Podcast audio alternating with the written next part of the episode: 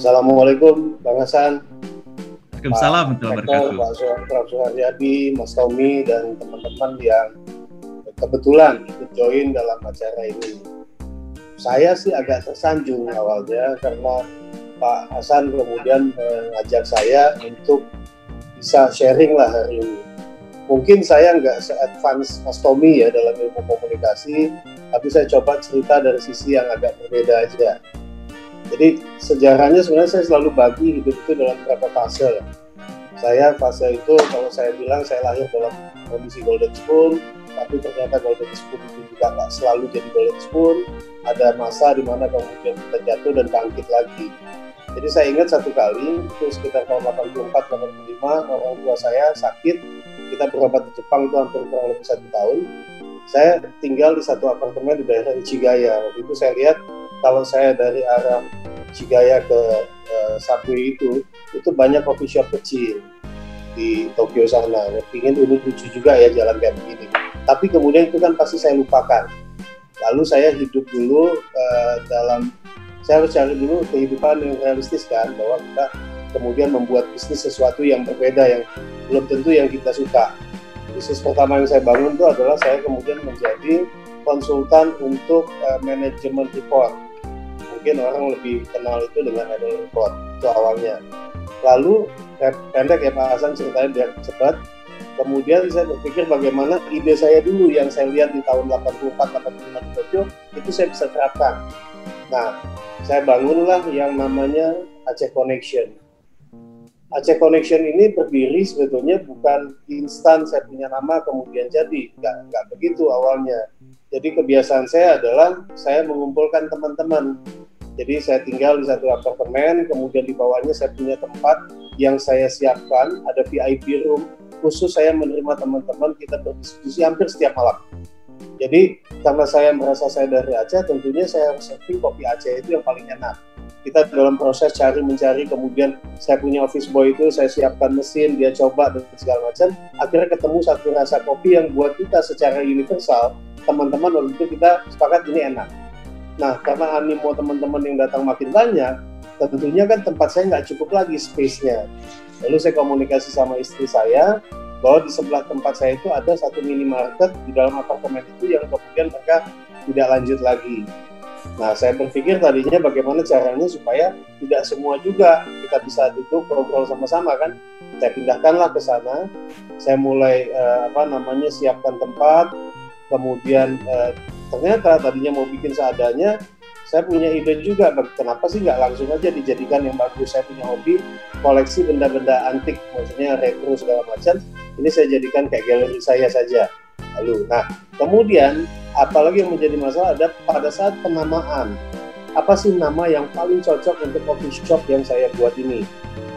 Ada beberapa teman-teman yang mengusulkan nama-nama yang beda-beda tapi saya ketemu dengan abang saya kemudian bicara karena dia melihat saya suka mengumpulkan teman-teman secara fisik itu tutup kemudian dia bilang kenapa nggak ada kata connection? Saya pikir ini menarik juga. Nah cuman apa yang menyambungkan connection saya sejauh ini dari saya kecil sampai uh, sekitar tahun waktu saya dirikan itu saya belum pernah paling tidak menurut pengetahuan saya belum pernah ada yang menggunakan kata Aceh di depan sebagai uh, branding untuk Aceh itu sendiri. Nah, saya mencoba juga menjadi uh, pionir bagaimana menggunakan nama Aceh itu secara positif. Jadi saya sambungkan saja Aceh Connection.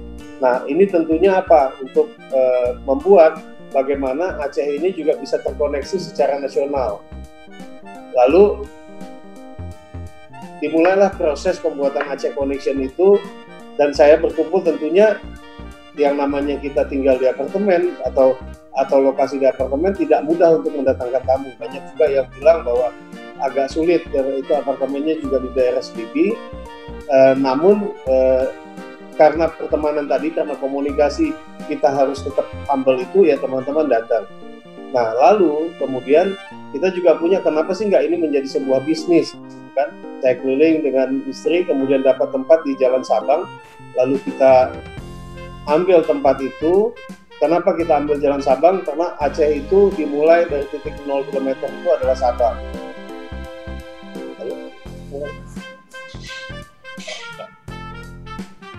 Kedengaran Pak Hasan? Eh, jelas, jelas, jelas. Lanjut Bung Hamid. Jelas. Nah kita ambil tempat di situ ternyata pada saat belum kita buka itu udah penuh. Balik lagi komunikasi dari teman-teman. Nah, cuman biasanya kan coffee shop di Jakarta ini ramainya kan makan siang dan malam. Saya mencoba mengubah bagaimana caranya karena Jakarta ini kan tinggal uh, penduduknya tidak semua tinggal di pusat kota, Hasan. Tinggalnya ada di Bekasi, ada di Tangerang. Bagaimana kemudian ini menjadi meeting point jadi mereka bisa datang jam 5, kita sudah surfing jam 6, setengah 7 pagi. Dan itu ternyata efektif. Lalu, apa sih yang setelah saya jalankan, kemudian saya buka lagi di SCBD, happening. Kenapa happening misalnya di SCBD itu? Karena kebetulan balik lagi tadi, teman-teman saya karena saya suka berdiskusi, kemudian suka bersilaturahmi, dan ternyata silaturahmi ini benar Pak Azhar. Silaturahmi ini mendatangkan rezeki juga dan mendatangkan teman yang lebih luas lagi. Kan yang kita lakukan adalah sebenarnya mulut ke mulut yang bisa berjalan dengan maksimal sampai hari ini. Nah, tapi saya juga tidak berhenti sampai di situ. Apa sih? Saya sudah menggunakan nama Aceh. Secara positif saya gunakan nama Aceh, kemudian menjadi famous dalam tanda kutip paling tidak menurut saya. Apa yang saya sumbangkan untuk Aceh? Saya dirikanlah bersama istri namanya Yayasan The Aceh Connection Foundation jadi keuntungan dari Aceh Connection dan bisnis-bisnis lain saya itu kita tempatkan sebagian di sana untuk kemudian kita bisa berbagi bukan hanya untuk di Aceh. Jadi gerakan yayasan kita ini sudah ada di Aceh, kemudian di Jawa Barat, kemudian sampai di Semarang dan beberapa daerah lain. Nah, saya melihat bahwa uh, kunci sebetulnya dari betul tadi Pak Rektor sampaikan bahwa tidak semua orang bisa melakukan juga Pak Ada juga faktor keberuntungan yang harus ada di kita, tapi paling nggak saya yakin bahwa semua ini bisa kita lakukan selama kita masih bisa menjaga komunikasi dengan baik. Makanya mungkin tidak sehebat Mas Tommy Cokro bahwa saya belajarnya komunikasi ini kan otodidak, bukan dalam proses belajar dalam bentuk sekolah. Namun yang saya lakukan sampai hari ini, menurut saya keberhasilan semuanya dilakukan dengan komunikasi yang baik. Nah, komunikasi yang baik tentunya ada kaidah-kaidah yang kita jaga juga. Jangan sampai menyakiti orang, kemudian jangan sampai menjadikan sesuatu itu menjadi negatif. Kita di Indonesia ini, saat yang saya lihat bahwa apa? Di Indonesia ini yang banyak orang ngomong, pendengar belum ada. Saya mencoba menjadi pendengar. Jadi semua orang bisa bercerita kepada saya, saya tidak melakukan judgement apa pun, saya hanya mendengar dan alhamdulillah yang saya lakukan hari ini membuat kemudian bisnis saya di Aceh Connection ini juga sejauh ini menurut kami lagi, menurut saya lagi berhasil dalam tanda kutip. Mungkin itu singkat penjelasan dari saya Pak Hasan. Saya lebih senang tadi Mas Somi juga bilang bagaimana caranya kita interaksi bisa ditanya Nah mungkin sedikit yang saya tambahkan dari proses ini juga bahwa orang lihatnya Aceh Connection sebenarnya ada juga bisnis-bisnis lain dan ada juga apa namanya eh, pekerjaan lain yang saya lakukan di Aceh Connection. Mungkin nanti dalam sesi tanya jawab Pak Hasan. Terima kasih Pak Hasan Mas Tommy.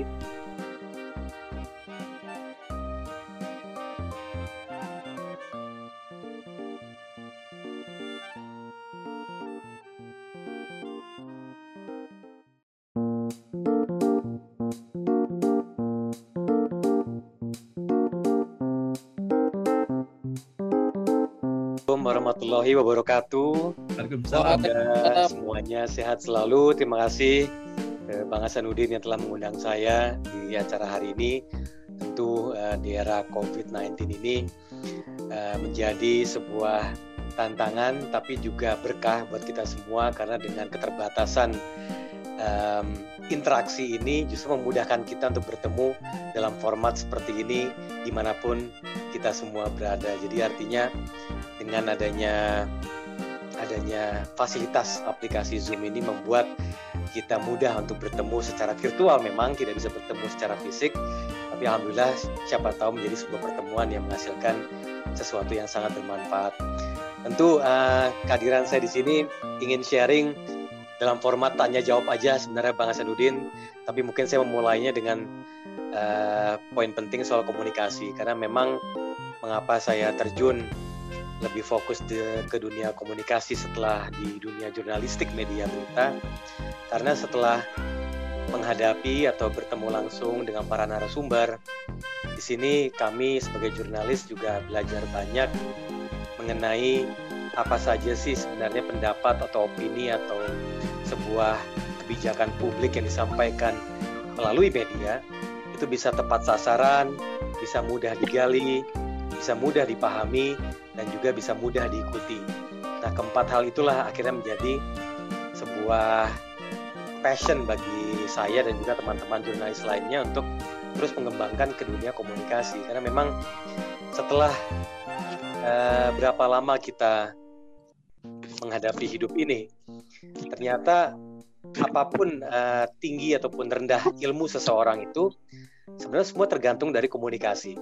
Jadi bagaimana uh, ketika seorang individu memiliki ilmu yang sangat tinggi tanpa didukung komunikasi yang baik, ya uh, biasanya tidak sampai ke orang-orang yang mendengarkan uh, individu ini gitu. Makanya akhirnya ketika zaman mahasiswa dulu ada yang namanya dosen favorit, ada juga namanya dosen killer kadang-kadang sebutannya karena galak, tapi ada juga dosen yang betul-betul uh, pas uh, sampai message atau pesannya kepada mahasiswa-mahasiswanya. Nah, di sini kenapa akhirnya pada tahun 2000 2000 kira-kira 2018 akhir saya tuh bertemu dengan rekan atau teman lama saya namanya Clara Tamu Bolon. Di situ kami bertukar pikiran sampai akhirnya kami ketemu yang namanya satu pemahaman dan kesepakatan bahwa tampaknya sudah mulai nih kita harus lebih fokus untuk uh, sharing dan juga uh, berbagi informasi dan ilmu mengenai komunikasi karena di industri kami di media memang sudah menjadi tuntutan dalam kerjaan kami sehari-hari untuk apa saja sih statement dari narasumber siapa pun itu yang bisa menjadi daging tanda kutip daging dalam beritanya.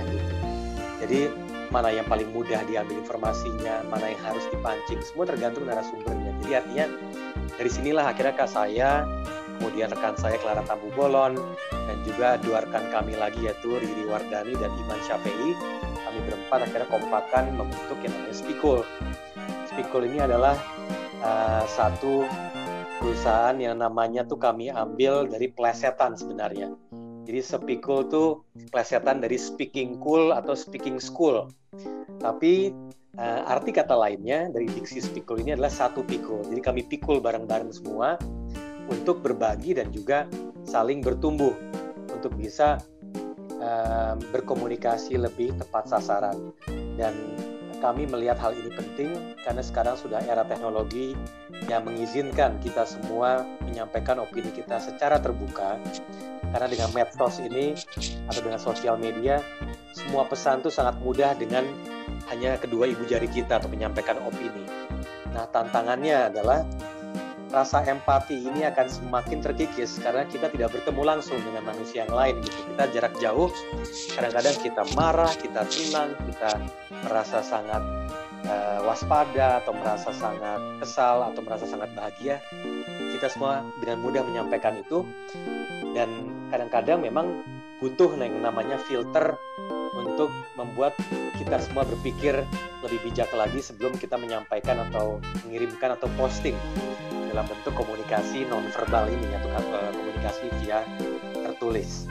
Nah, artinya karena tantangan ini akhirnya muncul tantangan baru yaitu kesabaran dari manusia pengguna uh, industri digital ini adalah kesabaran untuk menyerap informasi.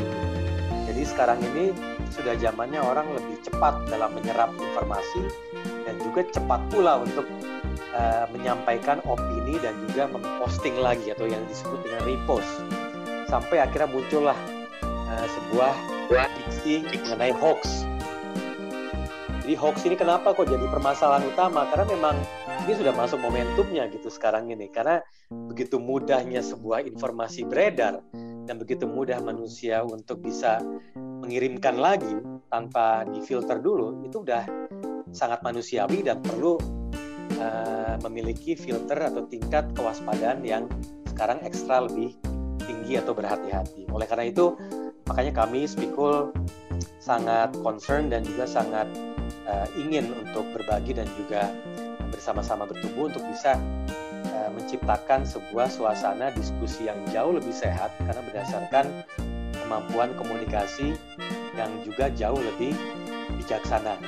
Jadi bukan berarti tidak kritis, kritis itu wajib karena kita wajib untuk mengkritisi ataupun berdiskusi. Namun sisi bahasa, dari sisi etika, kemudian dari sisi kesabaran untuk bisa menerima dan terbuka dalam menerima pendapat orang lain itu merupakan hal yang uh, menurut uh, kami selayaknya ideal bagi kita semua kembangkan bersama-sama. Mungkin itu dari saya untuk sebagai pembuka, uh, Bang Hasan. Semoga ini menjadi pembuka yang menjadi diskusi yang menarik. Karena saya juga ingin belajar juga dari teman-teman, rekan-rekan, ibu bapak yang hadir di sini, termasuk uh, ketua atau presiden dari Aceh Connection ini sendiri, yaitu uh, Bang Iman uh, Iman sendiri. Karena saya Bang Amir, maaf, Bang Amir Faisal ini ternyata sudah mengembangkan begitu banyak usaha yang berdasarkan dari pertemanan, diskusi. Jadi ini kita sama-sama juga ingin mendengarkan dari Bang Amir juga nih. gitu Bang Hasan.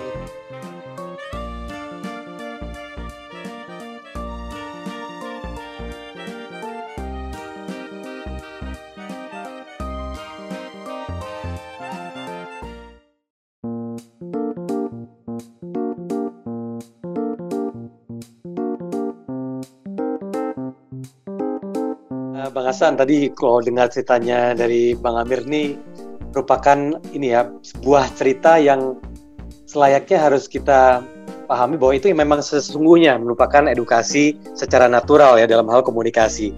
Lagi-lagi masalah komunikasi ini masalah yang mungkin ada sekolahnya, tapi sebenarnya secara otodidak pun seperti yang Bang Amir jelaskan tadi, ketika kita sudah membuka diri uh, untuk tujuannya berkolaborasi, berdiskusi, dan akhirnya tercipta diskusi yang sehat. Makanya tadi seperti Bang Amir bilang bahwa unsur mendengar itu merupakan hal yang prioritas sekali gitu ya. Apalagi kadang orang suka lupa bahwa uh, the key point of public speaking itu adalah listening sebenarnya. Jadi ya terima kasih nih Bang Amir menekankan dalam hal mendengarkan memang inilah yang memang betul-betul penting bagi kita semua. Karena kesabaran manusia ini teruji dengan adanya teknologi, sehingga kemampuan kita semua untuk mendengar semakin terkikis gitu. Karena memang di zamannya sekarang kita sudah tidak bertemu gitu kadang-kadang tanpa bertemu hanya sending text ataupun uh, repost lagi ini menjadi satu kebiasaan yang baru gitu tapi yang sudah cukup lama sejak era digital makanya terima kasih Bang Amir kembali menekankan pentingnya berkolaborasi dan juga mendengarkan karena itulah yang sebenarnya menjadi uh, akar sesungguhnya dalam uh, meningkatkan sebuah pertemanan, kekeluargaan dan juga bahkan berujung pada benefit dalam hal berbisnis misalnya. Karena lagi-lagi sepintar apa pun manusia, jika kita hanya banggakan ilmunya saja, tentu akan kurang bermanfaat dan tidak mendapatkan manfaat yang balik buat kita semua. Tapi ketika kita membuka diri, berdiskusi, mendengarkan apa kebutuhan orang lain, kita akan semakin empatinya besar dan juga semakin peduli dan semakin juga mendapatkan keuntungan yang banyak. Itu dari saya Bang Hasan. Um, menurut saya maka tadi sepakat saya kuncinya adalah mendengar Bang Hasan. Karena kalau kita tidak mendengar, tentunya masukan orang itu juga kita akan tidak bisa absorb. Nah, kita tidak akan pernah berhasil kalau seandainya kita tidak mendapat kritik. Tentunya kan proses saya buka sampai sekian banyak hari ini adalah proses kritik yang saya dengar. Mungkin saya tambahkan, nah, karena proses saya buka ini juga tidak hanya komunikasi sih sebetulnya, yang saya dapatkan bahwa ilmu membuka coffee shop ini kan juga bukan bidang saya pada awalnya tapi saya juga kemudian belajar bagaimana sebetulnya bisnis ini harus dibuat standarisasi. Nah, standarisasi itu kan dari mulai pelayanan, dari mulai cita rasa dan segala macam. Nah, standarisasi inilah yang kemudian kita lakukan sosialisasi juga. Balik lagi tadi ke komunikasi. Mudah-mudahan apa yang kita lakukan ini bisa menjadi apa namanya contoh buat semua produk lokal sehingga kita bisa menjadi uh, bukan saingan ya sebetulnya menjadi partner dengan teman-teman produk asing di Indonesia. Dan apa pun namanya komunikasi yang kita bangun saat ini adalah bagaimana produk lokal tidak hanya Aceh Connection itu menjadi tuan rumah di negaranya sendiri. Demikian Bang Hasan tambahannya. Baik, terima kasih Bang Amir atas apa yang telah disampaikannya dan Bapak Ibu sekalian um, uh, menarik sekali apa yang disampaikan oleh Bang Amir dan saya menyaksikannya sendiri bahwa bagaimana beliau uh, melakukan komunikasi publik itu tidak hanya melalui apa yang beliau ucapkan tetapi apa yang beliau praktekkan. Nah, satu hal yang saya melihat ini cerdas sekali nih Bang Amir ini. E, ketika e, awal pertama kita new normal, beliau termasuk salah satu kafe yang leading dan boleh jadi yang paling awal menerapkan, mempraktekkan e, pengelolaan kafe sesuai dengan protokol COVID itu. Bisa dibayangkan kemudian apa yang beliau lakukan, lakukan dengan menyiapkan skat-skat itu kemudian diberitakan luar biasa dan menginspirasi banyak sekali bukan hanya di kafe Bang Amir tetapi termasuk perkantoran-perkantoran akhirnya eh, banyak mencontoh dari apa yang telah Bang Amir lakukan itu. Sehingga saya melihat di sini betapa proaktif itu ternyata eh, merupakan bagian daripada komunikasi kita dan salah satu eh, menunjang unsur sukses yang didapatkan oleh Bang Amir. Baik uh, Mas Tommy sama uh, Bang Amir, sekarang kita berikan kesempatan kepada Flor kepada Ibu sekalian untuk menyampaikan pertanyaannya. Kami persilakan bagi yang ingin menyampaikannya.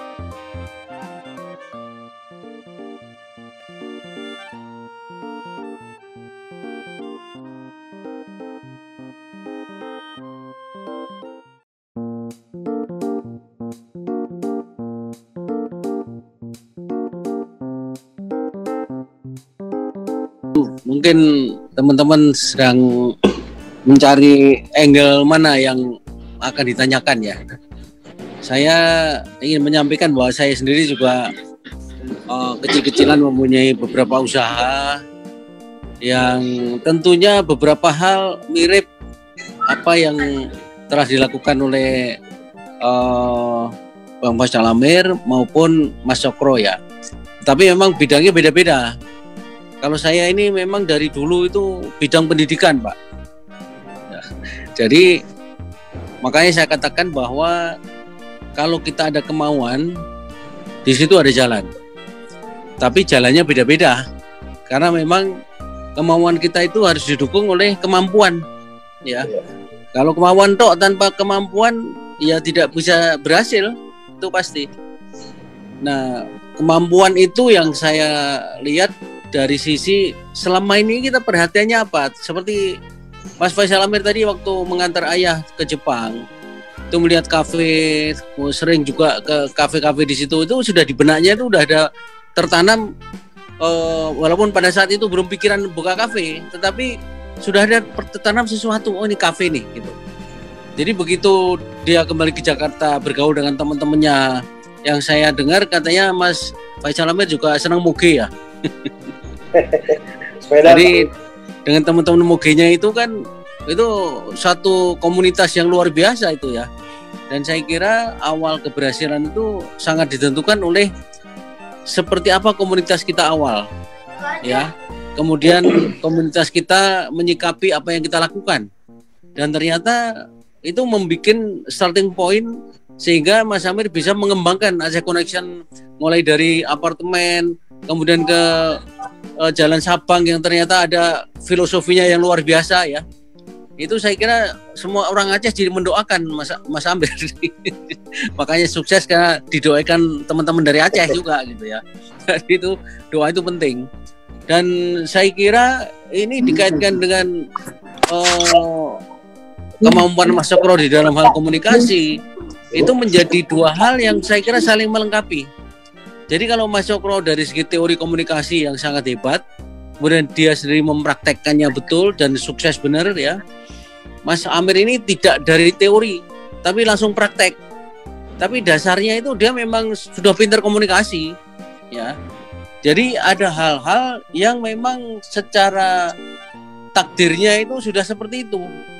Nah, sering kali keberhasilan orang itu yang punya pemahaman kemampuan saya yang penting itu di mana? Itu yang dikembangkan dan itu insya Allah sukses.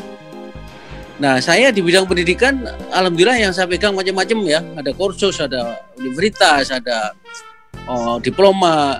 Yang di bidang pendidikan karena saya inten intensnya di situ ya, saya fokusnya di situ, itu semua berhasil. Begitu saya buka rumah makan, Pak, Pak Amir, saya juga ingin mencoba, walaupun bukan karena Pak Faisal Amir kata ikut-ikutan enggak, tapi ikut temen yang sudah sukses ternyata ikut temen yang sudah sukses itu kita ternyata gagal gitu. Dan itu uh, kegagalan itu luar biasa berat gitu. Karena kita mengalokasikan investasi juga cukup besar di situ. Tapi ternyata sesuatu yang tidak kita uh, bukan menjadi passion kita bukan menjadi fokus kita apalagi kita tidak ada orang yang menangani langsung menjadi kepercayaan kita itu banyak gagal nih bandingkan berhasilnya oleh karena itu untuk pengalaman Bapak Ibu sekalian yang baru mau mencoba bisnis, itu bisnis itu harus ditangani langsung. Seperti Pak Faisal Amir ini kan Aceh Connection itu semua di bawah kendali beliau. Ya. Tidak tidak diserahkan orang begitu saja. Ya, ya kalau diserahkan orang begitu saja ya mesti gagal. Ya.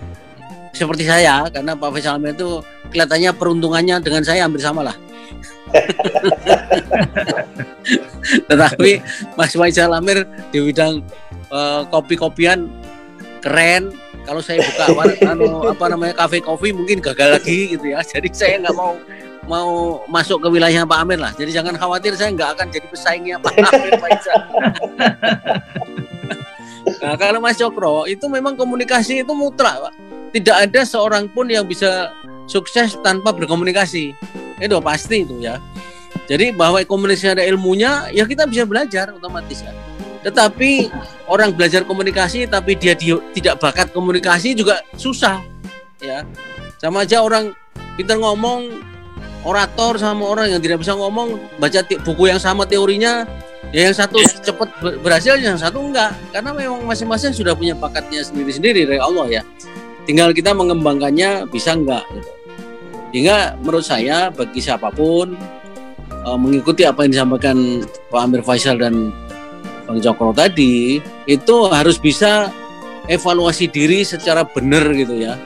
Dirinya itu sebenarnya oh, fokusnya ke mana, interestnya ke mana, ya, passionnya di mana. Nanti kalau udah ketemu, itu mengembangkan sesuai dengan interest passion itu udah insya Allah berhasil deh, ya. Itu saja. Uh, sering kali orang mengatakan apalagi teman-teman adik-adik mahasiswa yang sekarang ikuti acara ini, nah nanti modalnya dari mana Pak? selalu modal awal itu yang ditanyakan di mana pun saya mengikuti seminar ceramah segala macam. Itu kalau ngomong mau jadi pengusaha orang langsung ngomong bagaimana modalnya? Loh pengusaha besar itu banyak kan dulu modal dengkul bisa sukses kok karena punya kemampuan-kemampuan yang tidak dipunyai orang lain sehingga investor percaya pada kita untuk mengembangkan itu. Dan akhirnya kita bisa berhasil. Jadi ini sebagai tambahan saja Pak. Amir mudah-mudahan bisa juga uh, mempunyai apa ya dampak. Teman-teman mungkin yang lain akan menanyakan sesuatu secara teknis ya. Dan itu penting ini karena yang disampaikan Pak Amir Mas Sokro ini kan sebenarnya baru apa ya uh, umumnya secara detail itu pengen tanya jawab nah ini kalau nggak ada yang tanya ya nggak dijawab mau nggak ada yang tanya jadi silakan dengan ini apa ya saya membuka ini aja supaya nanti tanya jawabnya jadi lebih kita bisa lebih menyerap intisari dari apa yang telah dilakukan Mas Amir dan Mas Cokro ini lebih baik. Demikian Pak San untuk ini aja. Oke, terima, terima kasih Prof. Assalamualaikum warahmatullahi wabarakatuh. Luar biasa sekali.